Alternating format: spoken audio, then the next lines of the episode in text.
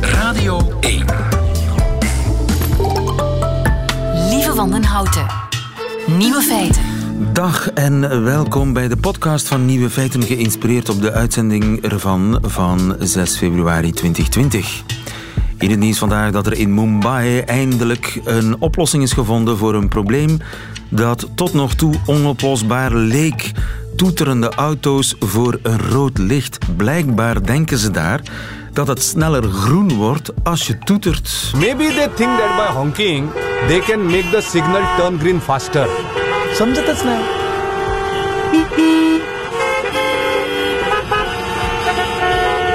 Het is een soort van uh, magisch denken. Hoe meer ik toeter, hoe sneller het groen zal worden. Het werkt natuurlijk niet.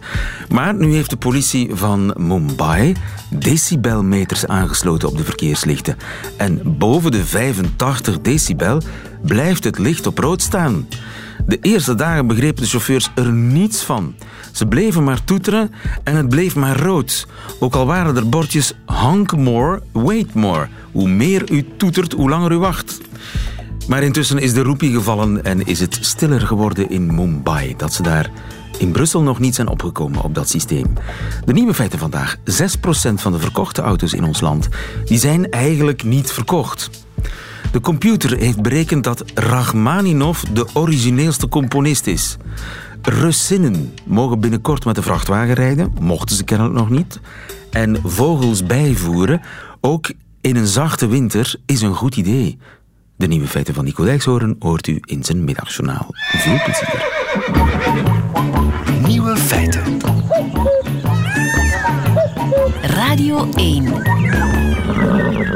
Het was een mooi tafereel gisteren toen uh, de buren vetbollen ophingen in hun tuin. Speciaal voor de vogeltjes. De zoon des huizes die vond het een mal idee. Het ging er nogal luid aan toe. Noem je dit winter, hoorde ik hem zeggen. En ik dacht, waar is Dirk Drouwlands als je hem nodig hebt? Goedemiddag, Dirk. Goedemiddag, lieven. Onze huisbioloog, want het is een dilemma dat vele Vlaamse huisgezinnen teistert. Dat klopt, ja. Vetbollen of geen vetbollen? Ja. Uh, ik moet uh, zeggen, zolang het niet echt wintert, hang ik ze niet. Heb ik gelijk? Dat is geen enkel probleem om dat niet te doen, maar het is ook geen probleem om het wel te doen. Aha. Dus het, uh, het, is, het is eigenlijk iets dat je vooral voor jezelf moet doen. Als je denkt van oké, okay, goed, de vogeltjes, we gaan ze helpen.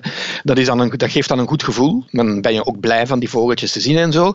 En voor de diertjes uh, maakt het wel een verschil, maar uh, er, er hangen niet echt negatieve kanten aan. Dus zelfs als je in het broedseizoen bijvoedert, hè, er is voor, altijd gezegd gaat vroeger, we doen dat alleen in de winter om de vogels te helpen de moeilijkere perioden door te komen. Oké, okay, goed. Maar nu is er uit onderzoek gebleken dat uh, je het hele jaar door kan doen zonder dat er echt drastische negatieve effecten oh ja. gekoppeld zijn. Dus of het nu streng wintert of niet, dat is eigenlijk geen argument. Dat maakt eigenlijk geen verschil. Het maakt geen verschil. Nee, ze hebben het natuurlijk harder nodig in een strengere winter. Dat is evident. Maar het is niet nadelig om het te doen als ze in principe genoeg uh, te eten hebben. Uh, bijvoederen geeft in principe ook een toename van de populatie. Hè, want dan ga je extra vogeltjes krijgen omdat ze niet shiften. De jagers bijvoorbeeld, die, die weten dat nog altijd niet. Jagers denken, als je everzwijnen bijvoedert in het bos, gaan die niet meer in de maïsvelden zitten.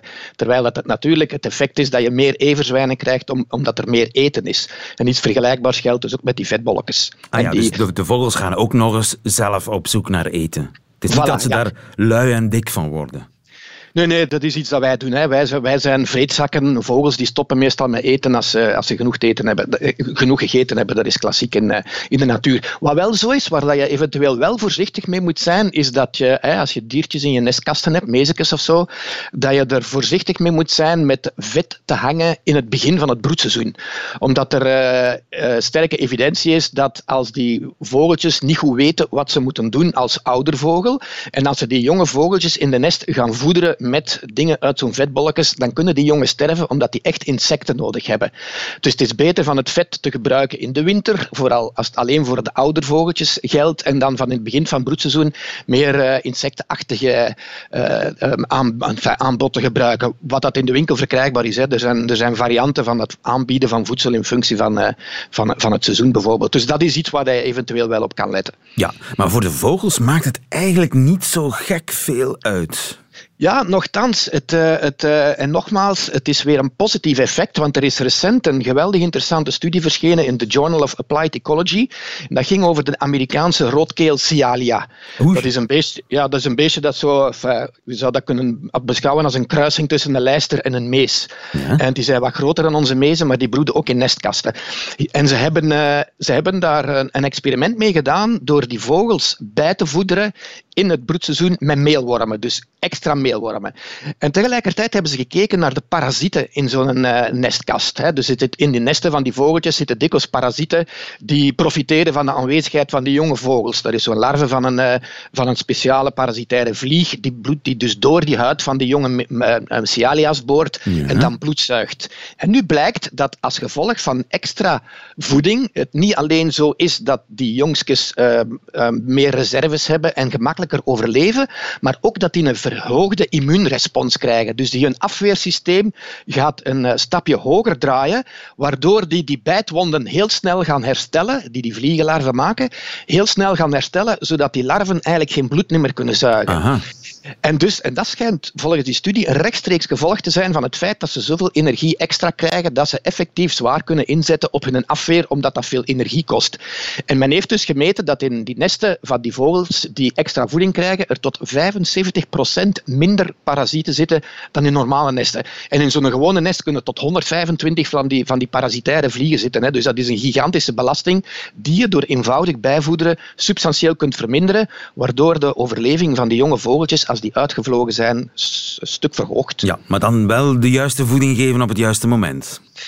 Het gaat dan in, in deze experiment hebben ze specifiek meelwormen gebruikt en dan in de eerste week, twee weken van het, uh, van het broeden echt. Dus als, als die jongstjes nog heel kwetsbaar zijn, als die dan die klassieke voeding van vetbolletjes krijgen, dan sterven die waarschijnlijk. Maar hier door een goed aangepaste insectengebaseerde voeding of mengsels die gebaseerd zijn op hetgeen dat jonge vogeltjes zouden krijgen van hun ouders zelf, hè, want die zijn er, dat zijn dan daar zitten dan de elementen in die ze in principe uit insecten zouden kunnen halen, kun je dus effectief goede dingen doen voor die niet alleen oudervogels, maar ook voor die kleintjes. Ja, maar wie vandaag vetbollen ophangt, is geen volslagen idioot. Nee, nee, vandaag is er nog absoluut geen enkel probleem. Hoewel, hoewel um, met het goede weer, van, van, van, het warme weer vooral, het is niet echt goed weer, maar het is wel warm weer. Er zijn al heel veel mezen aan het zingen. En uh, er zijn al heel veel vogels die stilletjes aan beginnen denken aan het begin van het broedseizoen. Dus toch, het is toch al de moment om het wat in de gaten te beginnen houden. En dan eerder meelwormen of uh, ander voedsel? Ja, vetloze mengsels, zal ik maar zeggen. Gezond eten. Gezond eten. Is goed voor uw vogels. Dankjewel, Dirk Drouwlands. Goedemiddag. Goedemiddag, lieven. Nieuwe feiten. Radio 1. Bent u een vrouw in Rusland, dan mag u vanaf volgend jaar eindelijk truckchauffeur worden. Goedemiddag, Geert Groot-Koerkamp. Goedemiddag. Ik wist het niet, maar kennelijk is er in Rusland een uh, lijst met verboden beroepen voor vrouwen.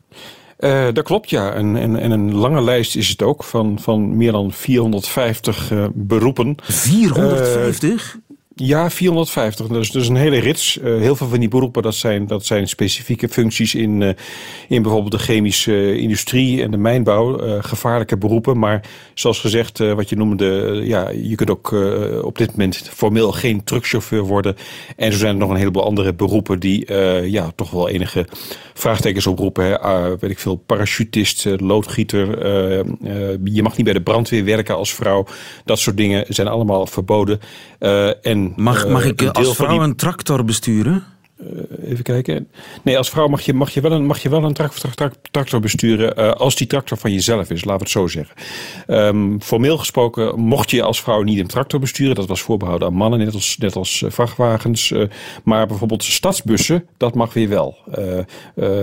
inter, intercitybussen, dat mag weer niet. Dus er zijn een heleboel ja, grotere en kleinere beperkingen op wat je wel en niet mag. En zit daar een zekere logica of een verklaring?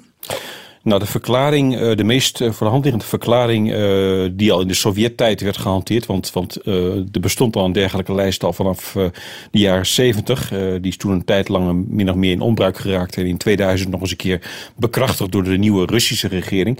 Ehm, maar ja, een, een rode lijn daarin is dat het gaat vaak om beroepen die in de optiek dan van, van de Russische wetgevers uh, uh, de reproductieve gezondheid tussen aanstekers van vrouwen zouden kunnen aantasten. Met andere woorden, die een gevaar zouden kunnen opleveren voor ja, het ongeboren leven of voor uh, het feit dat, dat vrouwen kinderen wel of niet kinderen kunnen krijgen. En dat is ja, in Rusland wel een gevoelig punt, omdat het al tientallen jaren lang demografisch niet zo goed gaat in Rusland. De bevolking neemt al jarenlang af. En ja, de Russische regering en ook president Poetin is er alles aan gelegen om dat dan dat dan tegen te gaan of die situatie zelfs te verbeteren. En ja. dat is een van de redenen dat zo'n lijst dus ja, lange tijd heeft bestaan. Dus een, een loodgietende vrouw zou onvruchtbaar kunnen worden? Nou ja, uh, vrouwen in bepaalde beroepen zouden uh, zichzelf kunnen blootstellen aan bepaalde gevaren. Uh, nou, loodgieters die, of, of mensen, wat ik al noemde, in de, in de mijnbouw of de chemische industrie, ja, die kunnen in aanraking komen met bepaalde stoffen die, die in je bloed zouden komen, die gevaarlijk zouden kunnen zijn. maar aan de andere kant, ja, andere, andere beroepen, ja, die vergen veel, veel menskracht, veel spierkracht. Uh, en dat zou ook op een bepaalde manier van invloed kunnen zijn, nogmaals, op die ja, reproductieve gezondheid ja. van de Russische vrouw. Maar er komt nu verandering in. Hoe komt dat? Is, was er protest? Nou, er waren protesten van, uh, ja, vanuit bepaalde beroepsgroepen. Er waren uh, vrachtwagenchauffeurs of vrachtwagenchauffeuses, ik weet niet hoe je ze noemen moet. Uh, ook vrouwen die bijvoorbeeld op de binnenvaart werkten. en die, die maakten daar bezwaar tegen, want die liepen steeds tegen die problemen aan. Niet zozeer dat ze formeel dat werk kunnen doen. Want als je zelf een vrachtwagen hebt bijvoorbeeld, die van jou is, jouw eigendom, dan kan niemand je verbieden daar op te rijden.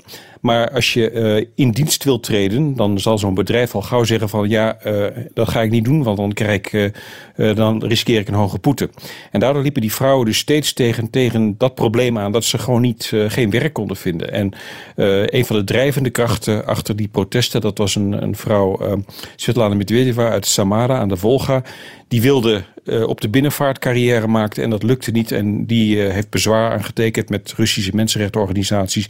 En die zijn uiteindelijk doorgedrongen tot een commissie van de Verenigde Naties. En die heeft dan een aantal jaar geleden Rusland op de vingers getikt en gezegd van ja, daar moet verandering in komen. En uh, waarschijnlijk mede dankzij die protesten ja, wordt die lijst dus flink bekort. Maar evengoed zullen er ook vanaf 1 januari volgend jaar nog meer dan 90 beroepen op zo'n lijst blijven staan. Aha, en wat blijft verboden voor vrouwen? Uh, nou, dat zijn bijvoorbeeld uh, uh, beroepen waarbij je onder water moet, onder water werkzaamheden moet uitvoeren. Uh, parachutist zijn uh, als beroep, dat mag ook nog steeds niet uh, als vrouw. en ook heel opmerkelijk, vrouwen mogen ook niet bijvoorbeeld werken met, met gevaarlijke dieren zoals hengsten of, of stamboekstieren in, in, in de landbouw en de veeteelt. Dus ja, dat, dat zijn de beperkingen die, die zullen blijven voorlopig. Echt feministisch is het land niet, hè? Uh, nou, het is een beetje, een, uh, het is een beetje paradoxaal wat je, als je kijkt naar Rusland. Hè, zeker als je kijkt naar de Sovjetgeschiedenis. Uh, de Sovjet-Unie pochte er nogal mee dat vrouwen en mannen gelijkwaardig waren. En je zag ook, ook vaak inderdaad. je, je ziet nog steeds allerlei kloeke standbeelden waarin mannelijke en vrouwelijke arbeiders naast elkaar staan. Of, of de mannelijke en vrouwen, vrouwelijke boeren. En laten we niet vergeten, de eerste vrouw in de ruimte was ook een Russin, hè, een Sovjet-cosmonaute. Juist, ja, maar ze ook alweer? Uh, Valentina Tereshkova. Tereshkova, okay, ja. Inderdaad. Die, dus er was een soort man-vrouw gelijkheid in de Sovjet-tijd, toch? Die werd, uh, die werd in ieder geval wel geproclameerd. Maar uh, tegelijkertijd uh, zie je dat ja, Rusland ook altijd geworsteld heeft met, een, met bepaalde ja, traditionele opvattingen over de man-vrouw rol. En dat betekent dat inderdaad veel, veel beroepen uh, gesloten werden. En het bizarre is eigenlijk, en dat is ook uh, een klacht van veel van die vrouwen, is dat ja, sommige beroepen zijn natuurlijk uh, echt zwaar. Hè. Daar, daar zul je fysieke kracht misschien voor hebben. Daar, daar, daar, daar kun je als man misschien makkelijker functioneren dan als vrouw. Maar tegelijkertijd zien we natuurlijk ook dat er al tientallen jaar lang ja, technische vooruitgang is. Dat heel veel van die beroepen die ooit echt zwaar waren, dat al lang niet meer zijn. En die Svetlana Medvedeva, met wie ik heb gesproken, die, die, die, die vrouw die nu inmiddels kapitein is op de binnenvaart, die zegt ook van, kijk, uh, als je je auto moet laten repareren, dan doe je ook niet alles zelf. Hè. Voor bepaalde karweitjes, daar huur je gewoon iemand voor in. voor het dagelijks onderhoud, olieverversen, dat kun je allemaal zelf wel doen. maar je, je hoeft niet alles, overal, alles en overal je eigen uh, spierkracht voor te gebruiken. Daar zijn hulpmiddelen voor, er zijn andere mensen voor. Uh, en wat dat betreft belemmert dus, uh, is er dus niets dat vrouwen belemmert om in heel veel beroepen ja, dezelfde functies uit te oefenen als mannen. Ja, en ze heeft haar slag gedeeltelijk thuis gehaald. Vanaf volgend jaar kunnen vrouwen in Rusland eindelijk truckchauffeur worden. Dankjewel Geert Groot-Koerkamp. Goedemiddag. Radio 1. Nieuwe feiten.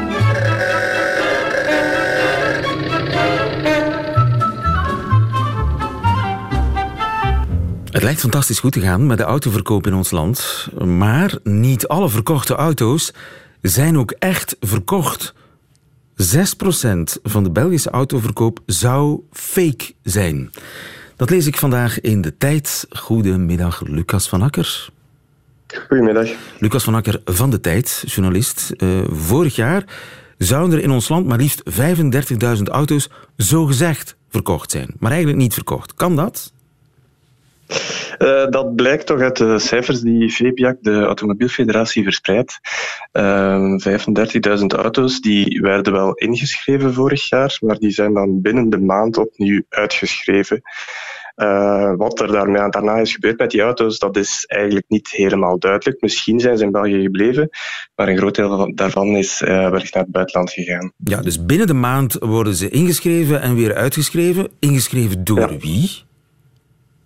Uh, dat kan door verschillende partijen zijn. Uh, enerzijds de invoerders van de merken, dus de, de Belgische invoerders, die kunnen uh, die schrijven soms honderden, honderden auto's uh, op één dag in, bij wijze van spreken. Uh, maar er zijn ook dealers, dus garagehouders, die auto's eigenlijk maar, maar heel kort inschrijven en die daarna weer laten uitschrijven. Ja, maar dat, dat zijn directieauto's of testauto's. Het is toch normaal dat dealers eigen auto's hebben voor hun klanten?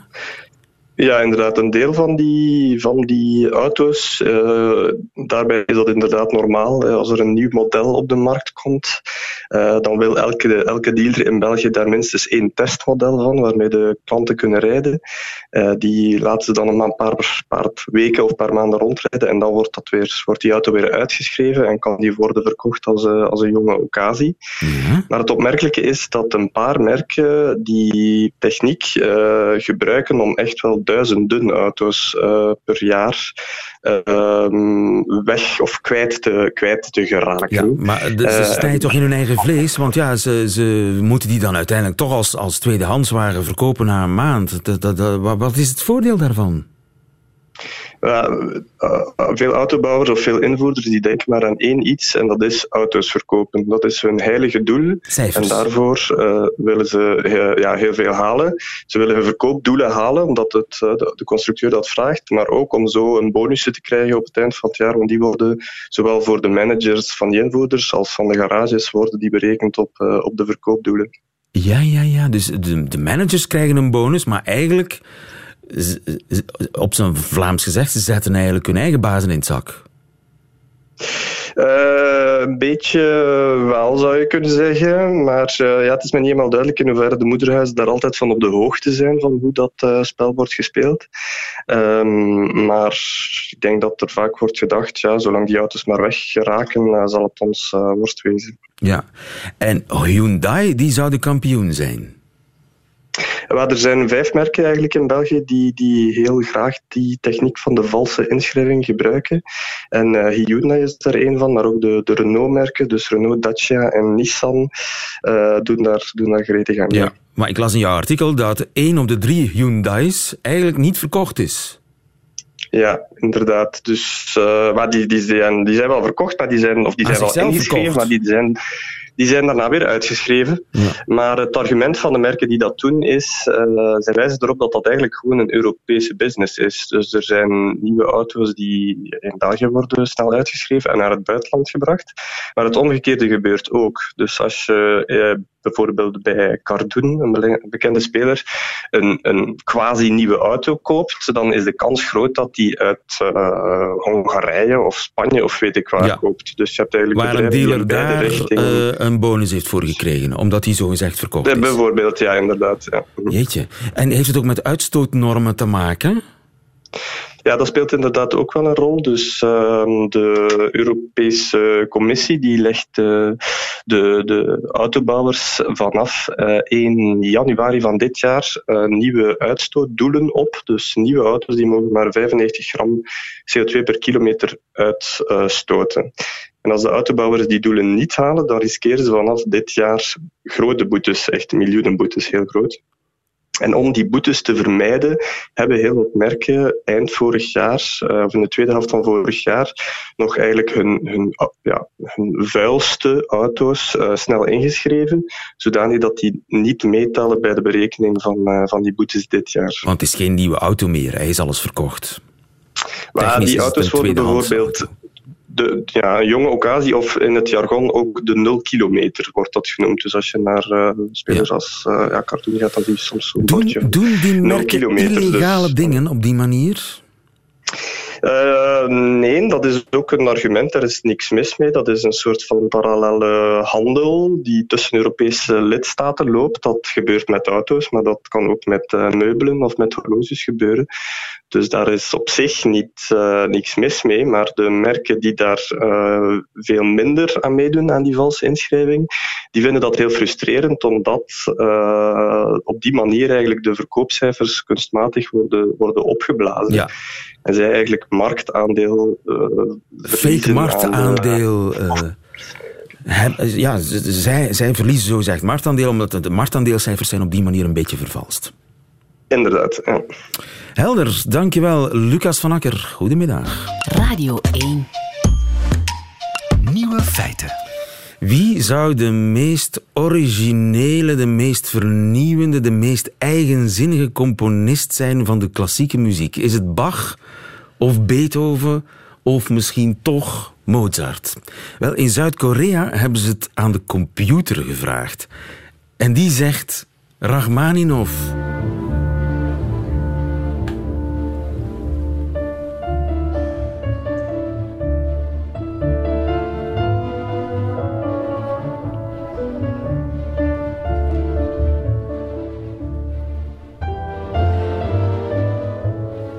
Het is prachtig. Ik krijg er zuurstof van. Mijn ziel krijgt er zuurstof van. Maar extreem vernieuwend vind ik het niet. Sander de Keren, goedemiddag. Lieven, goedemiddag. Sander de Keren, Clara collega. Ja. Wat hebben die Zuid-Koreanen precies gedaan? Wel, ze hebben dus uh, met computers proberen te bepalen wie de meest vernieuwende componist is. Uh, dat hebben ze gedaan door ja, dat is natuurlijk moeilijk. Ze hebben geprobeerd om vernieuwing in een formule te gieten. Ja. Dus, uh, Zuid-Koreanen. Ja, het, het is ze hebben pianomuziek genomen? Ja, 900 pianonummers van 19 componisten. Dus... En dat zijn niet de hedendaagse componisten? Nee, de periode gaat van 1700, van eh, de barok, tot uh, eh, 1900. Van de barok tot de romantiek, zeg ja, maar. tot, tot, tot, tot de late romantiek. Tot, ja, want 1900 is een heel nieuwe periode met componisten die heel wat andere dingen deden dan de, de romantici, zoals uh, Rachmaninoff of Beethoven. Ah, Rachmaninoff is eigenlijk een late romanticus. Ja, want Rachmaninoff heeft geleefd tot 1943. Juist, ja. Uh, dus toen ik het resultaat las, dacht ik, hmm, dat is toch wel vreemd. Want uh, in zijn tijd werd Rachmaninoff gezien als iemand die nogal oudbollig was voor in de jaren 40 of om in de jaren 40 nog zo... Te uh, zoet. Ja, zo honingmuziek te maken. Ja. Maar, uh, dus die heeft lang wel in datzelfde genre geschreven. Maar het onderzoek focust dus vooral op twee aspecten, namelijk op historische vernieuwing en op psychologische vernieuwing. Dus zijn, ik dacht, psychologische vernieuwing. Dus historische vernieuwing is simpelweg uh, hoe vernieuwend is een componist geweest als je kijkt naar zijn voorgangers? Juist. In welke mate is zijn muziek beïnvloed door de componisten die voor hem leefden? En zou je dan kunnen zeggen dat Bach eerder geleund heeft op zijn voorgangers dan Rachmaninoff? Mm, natuurlijk het moeilijke ook is, als je naar de muziek uh, kijkt van Bach, uh, en als ze de periode afbakenen vanaf 1700, dan kunnen ze met weinig vergelijken. Ze kunnen niet vergelijken met uh, ja. muziek uit de renaissance of muziek uit, uit vroegere eeuwen. dus maar waarom ze denk ik bij Rachmaninoff zijn uitgekomen is net door die psychologische vernieuwing. Uh, en dat betekent hoezeer je vernieuwt in je eigen uiveren. Dus als je vroeg werk neemt, als je laat werk neemt en als je kijkt wat de verschillen daarin zijn, hoe groter het verschil, hoe vernieuwend eigenlijk. Ja, je hebt nog een stukje Rachmaninoff meegebracht. Wat heb je meegebracht? De Etude Tableau. Nog iets, lieven. Ja, misschien eerst even luisteren. Oh, ik wil gaan liggen.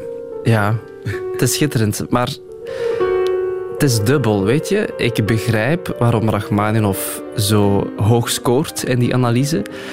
Um, want die kon dingen doen uh, die andere pianisten niet konden doen. En dat had gewoon te maken met de grootte van zijn handen.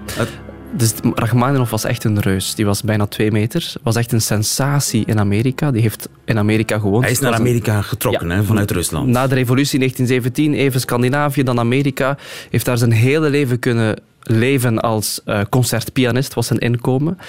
Um, maar iedereen ja, wilde Rachmaninoff zien, want het was zo'n grote man achter zo'n vleugelpiano met gigantische handen. De afstand van zijn duim tot zijn pink in gestrekte positie was bijna 30 centimeter. Dus 27 à 30. Dus ja, inderdaad. 30 centimeter? Ja, bijna, bijna. Ik heb 20, 25. Wat ja, hebben normale 20, mensen? geen idee, ja, ja, ja. Dus hij kon heel grote sprongen nemen en akkoorden nemen uh, waar andere pianisten misschien een teen moesten bovenhalen om die laat, laat, laagste noot uh, Dus het lijkt honingzoet, het lijkt romantisch. Rom de romantici staan niet bekend als de grote baanbrekers. Wat ergens wel. Beethoven was ook een, uh, eigenlijk de eerste romantische componist en die heeft wel veel veranderd in vergelijking met uh, Mozart. Heeft veel meer... Ja, nog zo iemand, Mozart. Je zou toch denken Mozart? Ja, Mozart zit mooi in het midden, blijkbaar. Dus je kunt ook een grafiek opvragen. Ik heb heel die studie gelezen. Het is uh, twee keer lezen om het te begrijpen, maar het is wel interessant. Dus het is een grafiek. En Mozart zit eigenlijk mooi in het midden. Dus met andere woorden, Mozart zit heel mooi in balans tussen historische vernieuwing, dus wat hij vernieuwd heeft of heeft toegevoegd aan de traditie, en aan psychologische vernieuwing, dus wat hij veranderd heeft in zijn eigen werk doorheen zijn uh, dertiger jaar. Al bij al is hij eigenlijk redelijk conventioneel, Mozart. Mm, ja, dat zijn uitspraken die ik niet wil doen, omdat er zijn zoveel factoren. Bijvoorbeeld, uh, er zijn 900 pianonummers gebruikt. Mozart die is ook veel jonger gestorven dan Rachmaninoff. Uh, ik vind Mozart niet, zeker niet conventioneler. Want als je vraagt aan een pianist, echt waar, als je vraagt wat is het moeilijkste om te spelen, is het Rachmaninoff of is het Mozart? Pianisten gaan zeggen, ik zou Mozart durven zeggen. Want, oh. Ja, want Rachmaninoff is, is een enorme rollercoaster. Zoveel versiering, maar als je een foutje maakt, dan kan je je eigenlijk verstoppen achter die hele ladder van noten. Terwijl bij Mozart heb je zo weinig noten, dus als je daar een fout speelt, dan ja. dat is een, een, een vuile vlek op, ja. een, op een helder glas. Op ja, een en, en de, de, fans van Bach, mm. die, hoe, hoe kan het dat Bach niet bovenaan zit? Omdat... Uh, Bach ook in zijn leven een andere functie moest geven aan muziek. Rachmaninoff was iemand die echt de late romantiek was echt iemand die zijn ideeën, zijn gevoelswereld vertaalde naar muziek, terwijl Bach uh, ontroert omdat de muziek klopt. Bach is wiskunde. Bach is een formule die we, die we horen en die we begrijpen. Bach moest ook altijd hetzelfde componeren, namelijk cantates voor in de kerk op zondag. Hij recycleerde ook melodieën. Hij recycleerde melodieën. Dus als je inderdaad, als je al die muziek van Bach in een database steekt, de computer analyseert, dan gaat de computer zeggen, ja, maar in dit werk zit ook een verwijzing ja. naar dit werk. Of ja. die noten komen vaak terug, of die melodie. Dus voor een computer, ja. dat is wel een belangrijk verschil, voor een computer is Bach niet vernieuwend of minder vernieuwend dan Rachmaninoff, maar als mensen... Ik bedoel, emotie is, is zo moeilijk om te weten. Uh, om te meten liever. Emotie in een wetenschap gieten is... Ja. Dus als je zegt, ik vind Bach beter, vernieuwender, het is je volste recht. Prachtig. Dankjewel. Sanne de Keren, goedemiddag. Nieuwe feiten. Dat waren ze, de nieuwe feiten van 6 februari 2020. U krijgt nog alleen die van Nico Dijkshoorn in zijn middagjournaal. Nieuwe feiten. Middagjournaal. Beste luisteraars. Gisteren zag ik Nancy Pelosi, voorzitter van het Huis van Afgevaardigden, vlak voor de neus van Donald Trump, vier keer een stapel papier doormidden scheuren. Ik moest daar vreselijk om lachen. Ik vond het er zo ongelooflijk lullig uitzien dat ze die stapel eerst in vieren had verdeeld en daarna pas scheurde. Het had zoveel mooier gekund. Donald Trump bijvoorbeeld vlak voor haar en dan Nancy Pelosi vlak achter hem, die met heel veel geworstel en geschreeuw zijn speech doormidden scheurt. Nu zag het eruit alsof ze haar kont ging afvegen en heel voorzichtig wat papiertjes van een toiletrol scheurde. Het hele idee van iets doormidden scheuren is juist dat je er enige moeite voor moet doen. Scheidingspapieren bijvoorbeeld. Je zit tegenover je vrouw en haar advocaat en je leest dat ze ook die ene gitaar van je wil hebben. En dat ze Ploekie, de kat die jij altijd eten hebt gegeven, dat ze die ook wil hebben. En dan is het juist zo mooi om zwijgend dat hele scheidingscontract door midden te scheuren. En daarna iets te zeggen als: Ga maar weer janken bij die moeder van je, waar je zo op lijkt. Het mooiste boze scheuren dat ik ooit heb gezien, dat was ergens in de jaren tachtig. Mijn oma leefde nog. Ze moest naar een bejaardentehuis. Er zat een hulpverlener tegenover haar. Hij had de brochure van het tehuis in zijn hand. Hij zei tegen mijn oma: Kijk eens, mevrouw, wat ontzettend gezellig. Ze hebben er een tuintje. Daar kunt u nieuwe vriendinnen maken. Nu bent u nooit meer eenzaam. Mijn oma keek hem aan. Wij van de familie wisten wat er ging gebeuren. Ze stond op, pakte de folder aan van de hulpverlener. Ze keek hem strak aan en ze scheurde de brochure in tweeën. Mijn huis uit, zei ze daarna. Ga zelf vrienden maken. Dat, luisteraars, dat was scheuren op hoog niveau. Wat Nancy Pelosi in Amerika deed, dat was machteloos scheuren. Papier scheuren wanneer je al lang weet dat je hebt verloren. Trump, hij hoorde het scheuren van vijf blaadjes papier en hij wist: ik ben nog heel lang president.